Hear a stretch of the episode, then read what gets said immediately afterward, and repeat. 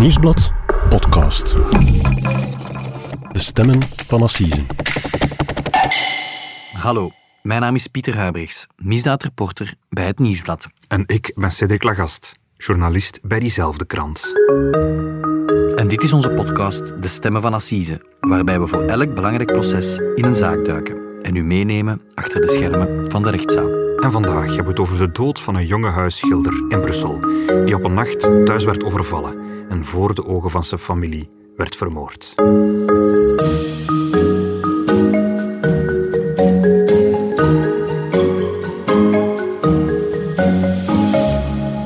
Dag Cedric. Dag Pieter. Goedemorgen, welkom in onze podcaststudio hier op uh, Linkeroever in Antwerpen. Dankjewel. Um, wij snijden vandaag een nieuw moordonderzoek aan dat deze week voor het Hof van Assise komt in Brussel. Ja. Dat is een plek waar we niet vaak komen bij onze podcast. Dit is denk ik een van de eerste keren dat we berichten over een assisezaak te Brussel.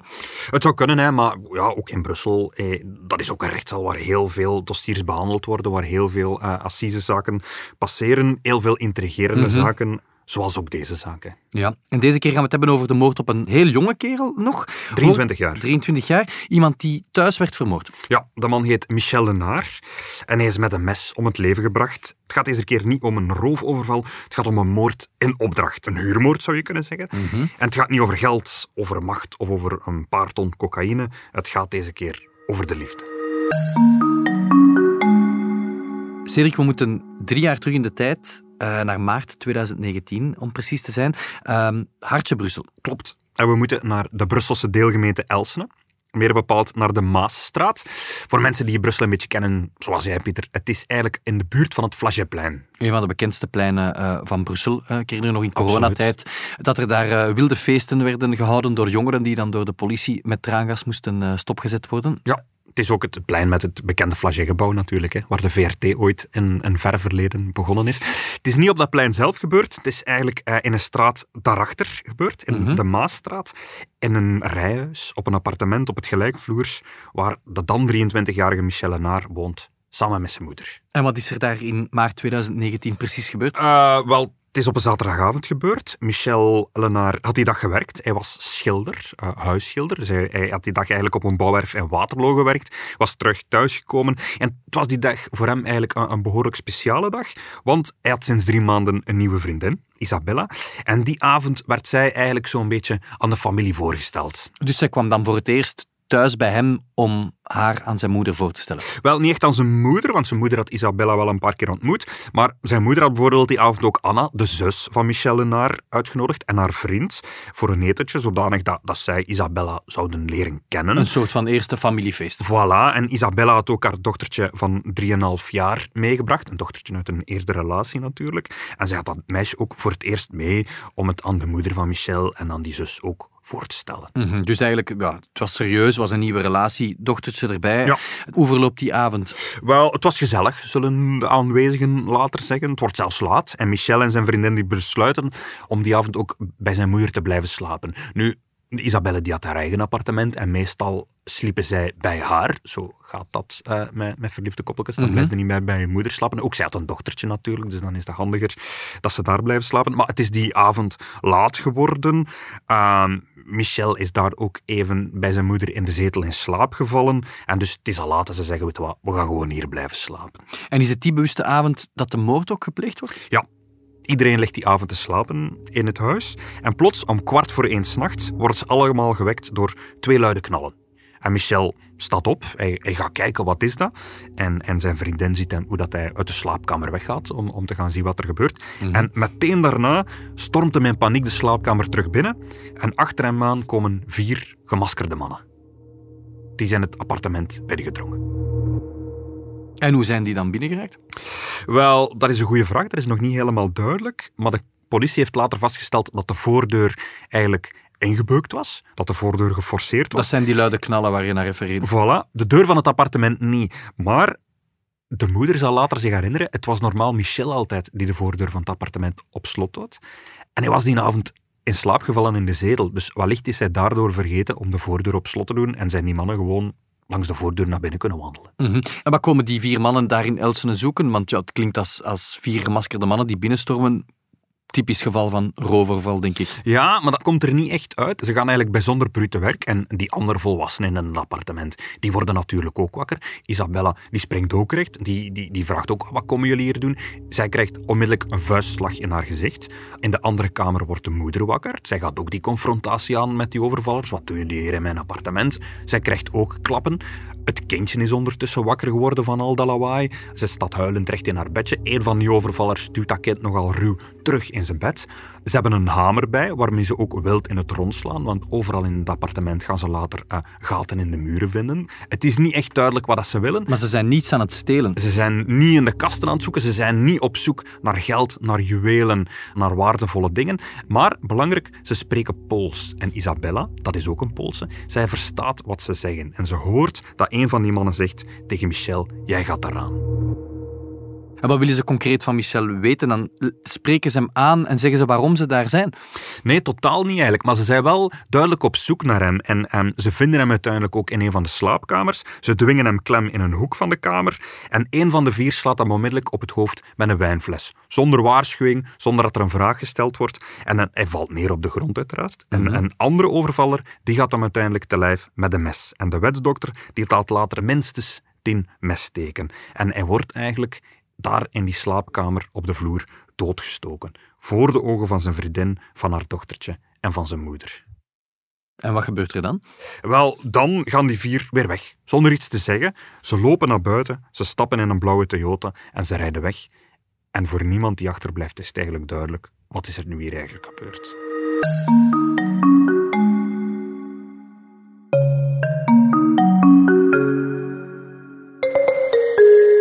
Cedric, ik probeer mij die scène in Elsene in te beelden. En je ziet dus met vier overvallers die daar binnenstormen. Die steken uh, het slachtoffer neer voor de ogen van de rest van, uh, van de familie. Mhm. Die gaan buiten zonder ook maar één eurocent mee te nemen, of kleren of, of dure juwelen, dergelijke.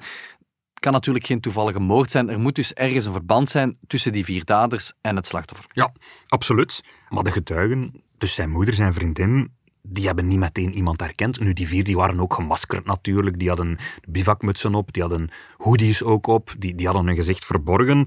Maar daarnaast kunnen ze ook niet meteen bedenken wie dat hem zou willen vermoorden. Want zoals gezegd, Michel Lenaar, dat is een schilder. Hoe start het onderzoek dan? Hebben ze ergens een aanknopingspunt? Wel, ze bekijken de camerabeelden in de straat. Zoals overal in Brussel hangen er overal bewakingscamera's Logisch, natuurlijk. Startpunt. Voilà, en ze zien die vier daders wegvluchten uit het huis. En ze zien dus hoe dat ze in een blauwe Toyota stappen met een Poolse nummerplaat. En ze gaan na van wie dat die auto is. Ze nemen contact op met hun collega's in Polen. En die auto is eigendom van een Poolse man. Maar die Poolse man was op het avond van de moord in Polen. Dus, dus die heeft een alibi. De chauffeur of de eigenaar was in Polen, de auto zelf was in Brussel. Voilà, en die wordt ondervraagd en die op het eerste zicht zegt hij ook, oh, ik heb geen, eigenlijk geen idee wie dat met mijn auto zou kunnen gereden hebben die avond. Tikkeltje vreemd. Tikkeltje vreemd. Je zou denken vals alarm, maar de speurders bijten zich toch vast in dat spoor van die auto. Ze laten dat niet zomaar gaan. En, en vier dagen later eigenlijk vinden ze die auto terug. Ze kunnen die auto traceren dankzij een Brussels parkeerbedrijf. Dus tegenwoordig, foutparkeerders die worden uh, opgespoord door een auto van een parkeerbedrijf die door de straten leest. En die, die de nummerplaten scant. Voilà, die kan zo zien wie dat er betaald heeft of niet. Op die manier eh, werkt dat ook een beetje samen met de politie blijkbaar. En dat Brussels parkeerbedrijf laat weten aan de politie, we hebben die auto gevonden. En uh, ze doorzoeken die auto. En de man die met die auto gereden heeft, is blijkbaar een frequente foutparkeerder. Want wat heeft hij gedaan? Hij heeft een klein briefje achter zijn vooruit gestoken met daarop de boodschap, uh, als ik hier verkeerd sta, je moet niet onmiddellijk de politie bellen, bel mij op op dit gsm-nummer. Het gebeurt wel vaker in Brussel. Voilà, en dat gsm-nummer dat ze daar op dat briefje vinden, dat leidt naar een Poolse twintiger, een zekere Patrick, die in Brussel woont die het, je zou kunnen zeggen, de speurder niet echt moeilijk gemaakt heeft om hem op het spoor te komen. Dan zit je met een doorbraak, hè, denk ik. Hè. Je hebt de politie die voor het eerst concreet een naam op het dossier kan kleven, of niet? Ja, na vier dagen hebben ze al een naam. zou zeggen een doorbraak, maar die Patrick, die is onvindbaar. Ze vinden die niet. Dus ze kunnen hem ook niet vragen, waarde jij daar? En, en, en vooral, wie waren die andere mannen? Dus... Maar het is wel de concrete richting waar het onderzoek uitgaat. Ja, ze weten dat ze... Eh, die Patrick is een Pool, dus ze weten dat ze in een bepaald Pools milieu moeten gaan zoeken. Nu, die, die moord komt eigenlijk ook niet helemaal uit de lucht vallen, moeten we er eerlijkerwijs bij zeggen ook. Volgens zijn familie kreeg Michel Lenaar in, in de dagen voor die overval ook al waarschuwingen op zijn gsm wat die precies waar familie kwamen. Dat is niet helemaal Maar duidelijk. dat is pas in de weken na de moord duidelijk geworden. Ja, voilà, inderdaad. Hij, hij maakte zich daar ook niet zo heel veel zorgen over, denk ik. Hij wist zelf ook niet goed, denk ik, wat er eigenlijk stond te gebeuren. En na de moord doen er heel veel geruchten de ronde in de Poolse gemeenschap van Brussel. Je moet weten, er is een Facebookgroep waar 30.000 Polen lid van zijn. Dat zijn allemaal Poolse mensen die in Brussel wonen. Die zitten allemaal samen in één Facebookgroep. En in die Facebookgroep wordt meteen ook al gefluisterd dat het bevel om Michel Naar te doden, dat dat bevel vanuit Polen kwam. En niet zomaar vanuit Polen, maar vanuit de Poolse gevangenis.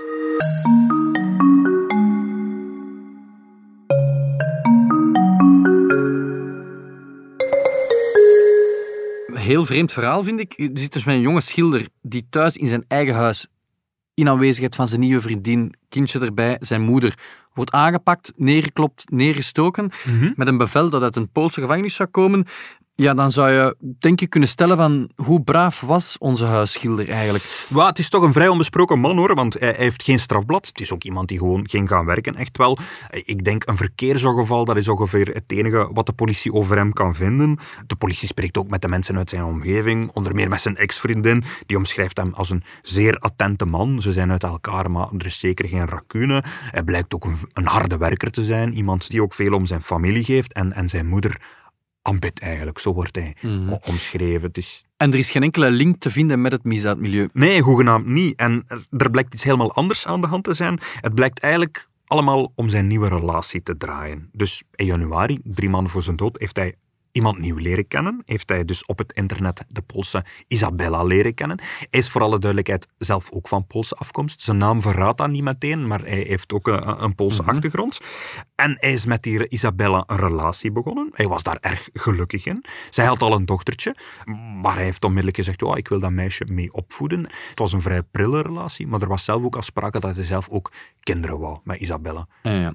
Iets zegt me dat niet iedereen zo gelukkig was met die relatie. Wel, die Isabella droeg een verleden met zich mee, zou je kunnen zeggen. Ze was acht jaar lang samen geweest met een zekere Jaroslav. Dat was de papa van hun dochtertje. Ja, absoluut. Een Poolse man ook. En niet zomaar iemand. Het was eigenlijk een vrij notoire persoon. Het was iemand die tussen België en Polen pendelde en die zich wel in de onderwereld begaf, zou je kunnen zeggen. Hoezo? Hij was, hij, was veel bezig met, met, met terughandel. Het was eigenlijk iemand die bezig was met de verkoop van drugs. Maar hij had nog ehm, ja, een, een, een andere eh, job, zullen we maar zeggen. Hij, hij fungeerde zo'n beetje als de sterke arm voor de Poolse onderwereld. Dat klinkt heel vaag, Cedric. Wat moet ik mij daarbij voorstellen? Wel, dat wil zeggen, stel dat iemand schulden had eh, in de onderwereld, dan kon je Jaroslav inschakelen om die persoon duidelijk te maken dat hij maar beter heel snel met zijn centen over de brug zou komen. Hij was iemand die niet vies was van geweld en die wel eens iemand een paar klappen kon, kon gaan verkopen om duidelijk te maken van eh, eh, jij moet nu betalen en je gaat geen dag niet meer wachten om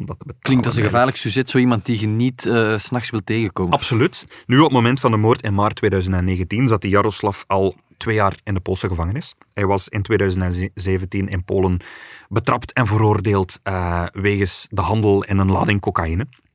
Nu, die veroordeling, dat betekent ook het einde van zijn relatie eigenlijk met Isabella, want hij zit in Polen in de gevangenis en zij woont en werkt nog altijd eh, in Brussel. Mhm. En ging zij hem nog bezoeken met haar dochtertje in de gevangenis? Ja, het was het einde van de relatie. Maar bon, ze hebben wel een, een dochtertje samen en ze zijn als vrienden uiteengegaan, zullen ze later allebei zeggen. En zij reist ongeveer één keer per maand met dat dochtertje met het vliegtuig naar Polen om de vader van het kind te bezoeken in de Poolse gevangenis. En dan keert zij terug naar België telkens. Hè. Nu, in januari 2019 stoppen die bezoekjes plots. Dat is twee maanden voor de, de moord. Mhm. Ehm, is er een, een link dan, neem ik aan, omdat zijn relatie begint met die Michel Lenaar? Ja, absoluut. En die Jaroslav die zag dat die bezoekjes van zijn dochter ophielden. Die kon daar niet meer lachen. Nu, op een avond kan hij in de gevangenis even de smartphone van een van die Poolse cipiers lenen. Of huren tegen betaling, zeg maar. En met die gsm kan hij in zijn cel eh, een beetje rondsurfen op het internet. En hij komt op de Facebookpagina van zijn ex-vrouw Isabella. En hij ziet dat ze een nieuwe profielfoto heeft. Namelijk, het is een foto van haar met haar dochtertje en met Michel Lenaar. En daaronder schrijft ze in het Pools dat ze met hem een nieuw leven wil beginnen. Dat is natuurlijk uiterst pijnlijk voor onze gevangenen in Polen. Die foto is dan de aanleiding van de moordpartij. Ja, absoluut. Hè. Dat hebben later verschillende mensen uit het Poolse misdaadmilieu verteld aan de Brusselse politie. Jaroslav zou die foto gezien hebben in zijn cel. Is razend geworden en heeft vanuit de gevangenis naar zijn kompanen in Brussel gebeld met opdracht: vind die man en maak hem af. Want hij kende Michel Lenaar helemaal niet. Nee, totaal niet. De eerste keer dat hij Michel Lenaar zag, was op die foto op Facebook. En wist Michel Lenaar dat zijn huidige vriendin een gevaarlijk ex-liefje in Polen had? Allicht niet. Of hij heeft het toch zo niet ingeschat, denk ik. Want uh, niks wijst erop dat hij op zijn hoede was of dat hij bang was. Maar zij wist dat wel. Hè. Zij heeft aan de politie later verklaard dat ze zelf aan het begin van de relatie met Michel Lenaar even getwijfeld heeft. Niet alleen omdat ze zeven jaar ouder was, dat was ook al een beetje een issue, maar ook omdat ze uit twee verschillende werelden kwamen. Zo heeft ze dat verteld aan de politie. En ze hadden ook geen gemeenschappelijke vrienden, bijvoorbeeld. Uh, zij heeft dat wel even aangekaart, ze heeft daarover gepraat met Lenaar, maar Lenaar moet daar toch overtuigd hebben. Liefde overwint alles. We zitten dus met een moordaanslag die vanuit een Poolse gevangenis wordt bevolen. Mm Blijft de cruciale vraag over ja, wie is die uh, opdrachtgever? Wel, zijn volledige naam is Jaroslav Poplavski. Hij is nu 40 jaar. Hij is ondertussen ook uitgeleverd aan België omwille van het assiseproces uiteraard. Hij is geboren in Polen, hij is op zijn twintigste voor de eerste keer in Brussel gearriveerd. Dat was ongeveer rond 2001. En heeft in de jaren daarna hier in België een rijkelijk strafblad opgebouwd. Hè. Het gaat onder meer over diefstallen, inbraken, oplichting, slagen en verwondingen, dronken rondrijden. Het is gewoon een hardleerse crimineel eigenlijk. Voilà, ja, hij is naar België gekomen uh, voor de verkeerde redenen, denk ik. En dus hij heeft die misdaden destijds ook in, in, in het Brusselse niet alleen gepleegd. Hij heeft een groep overvallers, criminelen rond zich verzameld Klopt, dat is toch beeld dat verschillende mensen vanuit de Poolse gemeenschap tegenover de speurders schetsen. Hè? Dat hij um, eigenlijk een groep andere mannen rond zich verzamelt, waarmee dat hij samen inbraken en dergelijke pleegt. En ook die um, schuldenaars ging lastigvallen en ging duidelijk maken dat ze met geld moesten over de brug komen. dat afpersen. Doe, voilà, dat doe je ook niet alleen, dat doe je best ook met, met een groep vrienden. Nu, hij stond aan de top van de bende. Verschillende mensen hebben ook verteld dat eigenlijk um, op het moment dat hij in de gevangenis zit in Polen, dat er iemand anders aan de top van de piramide komt te staan, een zekere Damian En die, het is naar die Damian dat hij dan vanuit de gevangenis belt en zegt van die kerel vindt hij en uh, uh, maak daar korte metten mee. Mm -hmm. Ze hebben dan de opdrachtgever kunnen identificeren. Komen ze ook snel bij die vier moordenaars dan? Wel, um, het, het, Brusselse gerecht denkt van wel. Ze hebben vier Poolse mannen geïdentificeerd waarvan dat zij zeggen dat dat de vier overvallers zijn. Het gaat om vier Polen die nu tussen de 27 en de 41 jaar oud zijn. Ook allemaal mannen met een strafblad. En het is eigenlijk een beetje door de geruchten uit het Poolse milieu dat zij in het oog van de speurders uh, zijn gekomen. Hè. Er zijn een aantal mensen die anoniem met de speurders zijn komen praten. Uit de Poolse gemeenschap. Voilà, en die hebben verteld van, ja, we weten eigenlijk uh, wie dat, dat zijn. Dat zijn die vier mannen die die moord hebben gepleegd. Nu, die vier mannen worden opgepakt. Hun DNA wordt vergeleken met wat er op, de, op het appartement wordt gevonden. En, en van zeker drie van de vier is er DNA gevonden die hen rechtstreeks linkt aan de moord. En zaten die vier nog in Brussel of, of, waren die ondertussen al lang naar Polen gevlucht? Wel, in de eerste dagen na die moord vluchten ze samen naar, naar ergens naar de streek rond Dinant, omdat ze bang zijn om opgepakt te worden. Maar eigenlijk in de eerste weken komen ze nog niet echt in beeld bij die speurders. Dus ballon, ze keren terug naar Brussel en uiteindelijk gaan zij verder met hun leven. Een aantal van hen worden dan een aantal maanden na de moord nog in Brussel opgepakt, maar een aantal anderen zitten al terug in Polen en moeten uiteindelijk in Polen opgepakt worden en worden aan ons land uitgeleverd. Mm -hmm. En wat verklaren ze alle vier? Wel, twee van hen geven uiteindelijk toe dat ze er die avond bij waren. Maar ze zeggen, ja, we waren daar eigenlijk uh, om, om Lenaar een pak slaag te geven. Het was volgens hen nooit de bedoeling dat de schilder zou sterven. Maar bon, het is die avond uit de hand gelopen. En ze zeggen dat ze ook niet wisten dat zijn moeder uh, daar aanwezig zou zijn geweest. Dat daar een driejarig kindje in dat appartement zou zijn. Dat wisten ze allemaal niet, zeggen ze. En de twee anderen, die ontkennen toekoer dat ze daar iets mee te maken hebben. Die zeggen, jullie hebben de verkeerde vast. En die opdrachtgever Jaroslav Poplavski, wat verklaart hij eigenlijk? Wel, hij zegt ook dat hij er niks mee te maken heeft. Hè. Hij, ontkent dat hij een opdracht heeft gegeven vanuit de gevangenis om, om zijn uh, liefdesrival aan te pakken. Meer nog, hij heeft al herhaaldelijk om zijn vrijlating gepleit. Hij zit hier in, in België en heeft een aantal keer gezegd van laat mij vrij, want ik moet voor mijn driejarig dochtertje zorgen. En niet zonder succes, want uh, in de zomer van vorig jaar is hij eigenlijk vrijgelaten met een enkelband. En hij, hij woont nu met een enkelband hier in Brussel. Net zoals de vier anderen trouwens. Die zijn uh, in coronatijden alle vier met een enkelband uit de gevangenis vrijgelaten. In afwachting van hun proces. In afwachting van hun proces.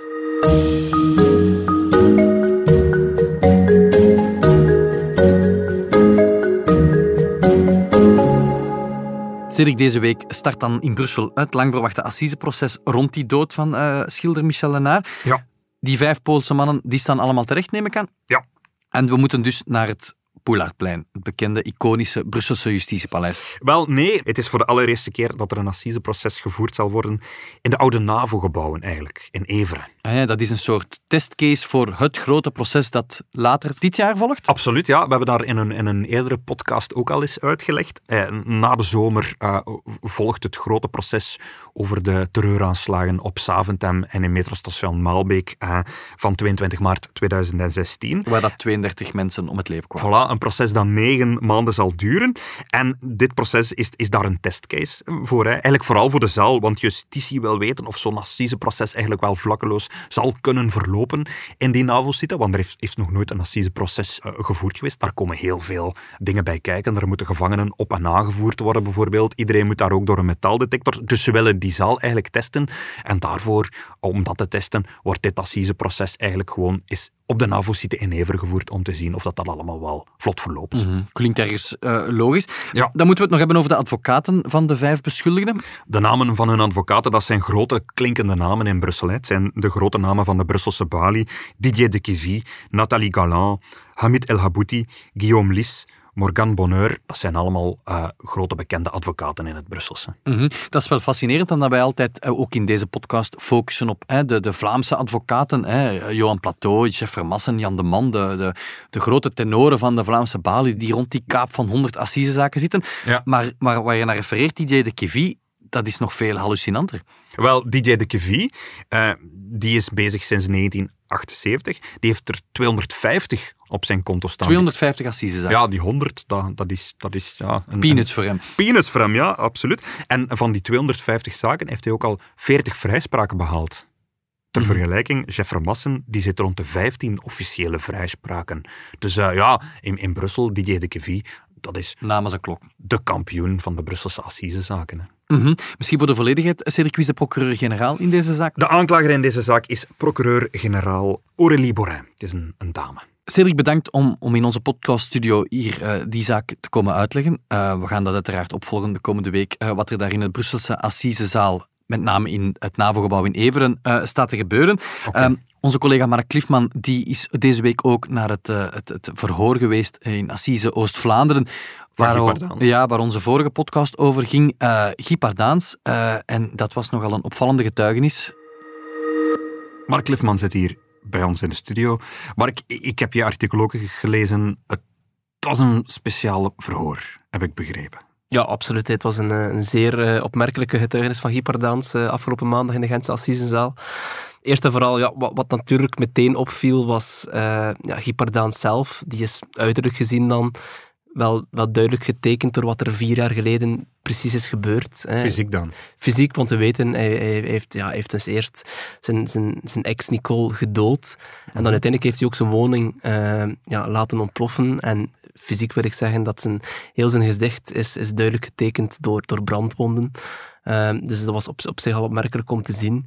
Uh, ook zijn handen kon hij nog amper gebruiken. Heeft dat ook meermaals laten, laten, laten zien ook aan de, aan de voorzitter, dat hij eigenlijk nauwelijks nog, nauwelijks nog iets kon doen met zijn handen. Maar toch waren het niet zijn littekens die veel stof deden opwaaien. Het waren vooral zijn uitspraken. Het was vooral wat hij daar kwam zeggen in de rechtszaal. Ja, um, absoluut. Hè, want uh, Guy Pardaans die bleek op het proces dan ineens een enorme praatvaar. Het, het, het, leek zelfs een beetje wat hij ervan genoot om eindelijk eens zijn verhaal te kunnen brengen. Mm -hmm. uh, hij begon meteen uitvoerig over zijn jeugd te vertellen, uh, over zijn relaties. Hij ging geen enkele vraag uit de weg.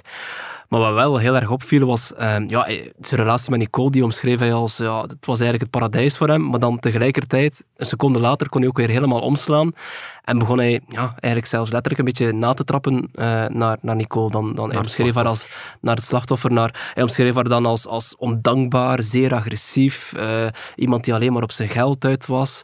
En, en hij ging er eigenlijk geen enkele uitspraak uit de weg. Dat was eigenlijk wel zeer... Allee, dus op een paar keer kwam hij echt zeer giftig uit de hoek ook, op, op, ja, tijdens zijn ondervraging. En hij heeft ook een demonstratie gegeven. Ja, en toen werd, ja, hij heeft dan eigenlijk drie keer eh, letterlijk gedemonstreerd hoe hij dan uh, Nicole, uh, hoe hij die hamer heeft genomen. En ja, na een, na een ruzie, nadat het zij hem kleineerde volgens hem, heeft hij dan die hamer gegrepen en heeft dan eigenlijk laten zien aan de jury hoe hij dan die hamer nam en echt insloeg op het hoofd van, van, van, van Nicole. Hij heeft dat drie keer gedaan en dat, was, ehm, ja, dat merkte je wel bij de, bij de nabestaanden van. Bij, vooral bij de dochter was dat zeer confronterend om hem zo bezig te zien. Om eigenlijk ja, zonder scrupules ja, na te bootsen hoe hij haar vermoord heeft. Ja. Begrijpelijk. Nu, in, in onze podcast van vorige week uh, hadden we het erover um, dat de grote inzet van het, van het proces eigenlijk de voorbedachtheid zal zijn. Was hij, was hij dat allemaal van plan? Had hij een plan op voorhand om haar te vermoorden? Wat heeft hij daarover gezegd? Wel ja, dus het, die, die, die fatale dag zegt hij van kijk, ja, Nicole kwam bij mij op bezoek en eerst was alles... Uh, prima, alles was koek en ei. Dus uh, ze hadden nog samen naar het nieuws zitten kijken, een sigaret zitten roken, uh, koffie zitten drinken. Maar dan op een gegeven moment is hij door het lint gegaan, omdat zij hem begon uit te lachen. Uh, zij zei van, kijk, ja, ik ga je laten zitten voor een ander. En ehm, hij vertelde ook van, ja, kijk, ze heeft, hij heeft me dan gewoon zitten, ja, zitten uitlachen. En dan ben ik, mhm. ben ik kwaad geworden en heb ik die hamer genomen. Maar zegt hij letterlijk, ik, heb niet, ik had niet die intentie, of ik, allez, ik heb die hamer niet genomen om Nicole te doden, wel om haar stoute bek te houden. En voor mensen die niet uit Oost- of West-Vlaanderen zijn, stoute bek, dat wil eigenlijk... Hij wil gewoon zeggen van, kijk, ik wil daar het zwijgen opleggen, maar het was niet per se mijn bedoeling om haar te vermoorden. Ja. Maar goed, uh, je zit dan wel met het gegeven dat hij na die ene slag, heeft hij nog, ja, volgens de wetsdokters, zeker nog tien keer ja, hard op haar hoofd ingeslagen. En zijn uitleg, hoe kwam dat over in de zaal? Kwam hij geloofwaardig over? Of? Niet bepaald. Hè. Um, in de, vooral in de vraagstelling van de voorzitter merkte hij ook dat bepaalde uitspraken gewoon niet konden kloppen uh, met de bevindingen van het onderzoek. En ook ja, uh, bepaalde advocaten van de nabestaanden, die konden, hè, zoals chef Vermassen, die, die, die ook optreedt voor de nabestaanden, mm -hmm. die konden hun misprijzen eigenlijk echt niet verbergen ook. Uh, maar goed, ja, alles wat, wat in zijn nadeel was, ja, Guy Pardaans had daar dan zijn eigen uitleg voor. Zoals? Wel, bijvoorbeeld over die hamer. Hè. Dus die lag in de keuken, wat natuurlijk niet zo'n gebruikelijke plaats is voor een hamer. Maar daarvan zegt hij van ja, die lag daar omdat ik bezig was met het uh, ophangen van uh, trouwfoto's van Nicole en ik. Van, ja, we waren fotokaders aan het ophangen. Ja. Maar goed, zoals ik zei, dus hij had eigenlijk ja, tijdens die lange getuigenis, toch een paar uur, uh, heeft hij, ja, had hij weinig schroom om zowel het slachtoffer te beledigen, maar ook uh, Jan van Asbroek, dat was zijn liefdesrivaal, hè, dat was de nieuwe vriend van, van Nicole. Hij had daar zelf een bijnaam voor, die man. Ja, de tandenstoker. Hij noemde hem op het einde van, van het verhoor een tandenstoker. Van, ja, het komt er eigenlijk op neer, de voorzitter uh, zei hem van, ja, je hebt hem toch nog... Allee, er zijn verschillende getuigen die gezien hebben dat jij hem nog achterna gezeten hebt met een stok. Mm -hmm. En daarvan zegt hij van, ja, nee, ik zou, ik zou nooit een stok nodig hebben. Uh, ik blaas hem zo omver, zo'n tandenstoker. Dat was zijn uitleg daarvoor. Dus heeft hij eigenlijk ja, echt gewoon beledigd. En meer nog, hij heeft hem ook beschuldigd, want hij zegt, de dag van de feiten... Uh, dus je moet weten, uh, Jan van Asbroek, kort voor de explosie, belde hij aan mm -hmm. om te zien, ja, hij, hij zocht Nicole, hij, hij, zocht zijn vriendin. Hij was ongerust. Ja, in de woning van Guy Pardaans, hij was ongerust. En dan mm -hmm. ontploft de woning. Mm -hmm. Maar Guy Pardaans, die zegt in zijn ondervraging. Eigenlijk was Jan van Asbroek al eerder bij mij thuis geweest, want ik lag op een gegeven moment bewusteloos uh, in de zetel, omdat -hmm. ik, ja, ik, hij wilde zelfmoord plegen, dat was een beetje zijn uitleg. Mm -hmm. en, en hij beschuldigt uh, Jan van Asbroek ervan dat hij bij hem thuis binnen is geweest en dat hij van alles bij hem heeft gestolen. En zijn daar bewijzen of aanwijzingen? Er zijn totaal geen aanwijzingen voor in het onderzoek. En dat zal zeker natuurlijk nog uh, ja, aan bod komen later op het proces. Ja, zal daarmee geconfronteerd worden. Wanneer weten we wat, wat, wat, het, wat het, lot is van Guy Pardaans? Wel, zoals we zeiden in de vorige podcast, het, het, is, het is een lang proces. Het is een proces dat eigenlijk anderhalve week duurt. Dus tegen uh, woensdag kent, uh, kent Guy Pardaans de uitspraak en weet hij hoe lang hij naar de gevangenis zal moeten voor de, voor de feiten op Nicole van Aschen. Nog even naar het proces Aquino, ook in Tongeren. Uh, daar is donderdagavond heel uh, laat op de avond, zeg maar het begin van de nacht, is daar het doek gevallen over een van de meest sprakmakende assisezaken in uh, Limburg de voorbije jaren. Ik zat uh, de hele dag in de zaal uh, tot laat s'avonds. Het, was al voorbij half één dat de jury naar buiten kwam en, en ja, met een finaal arrest is gekomen. En die straffen zijn ja, zeer zwaar geworden. Iets, iets minder zwaar dan wat de, het Openbaar Ministerie eerder op de dag had gevorderd.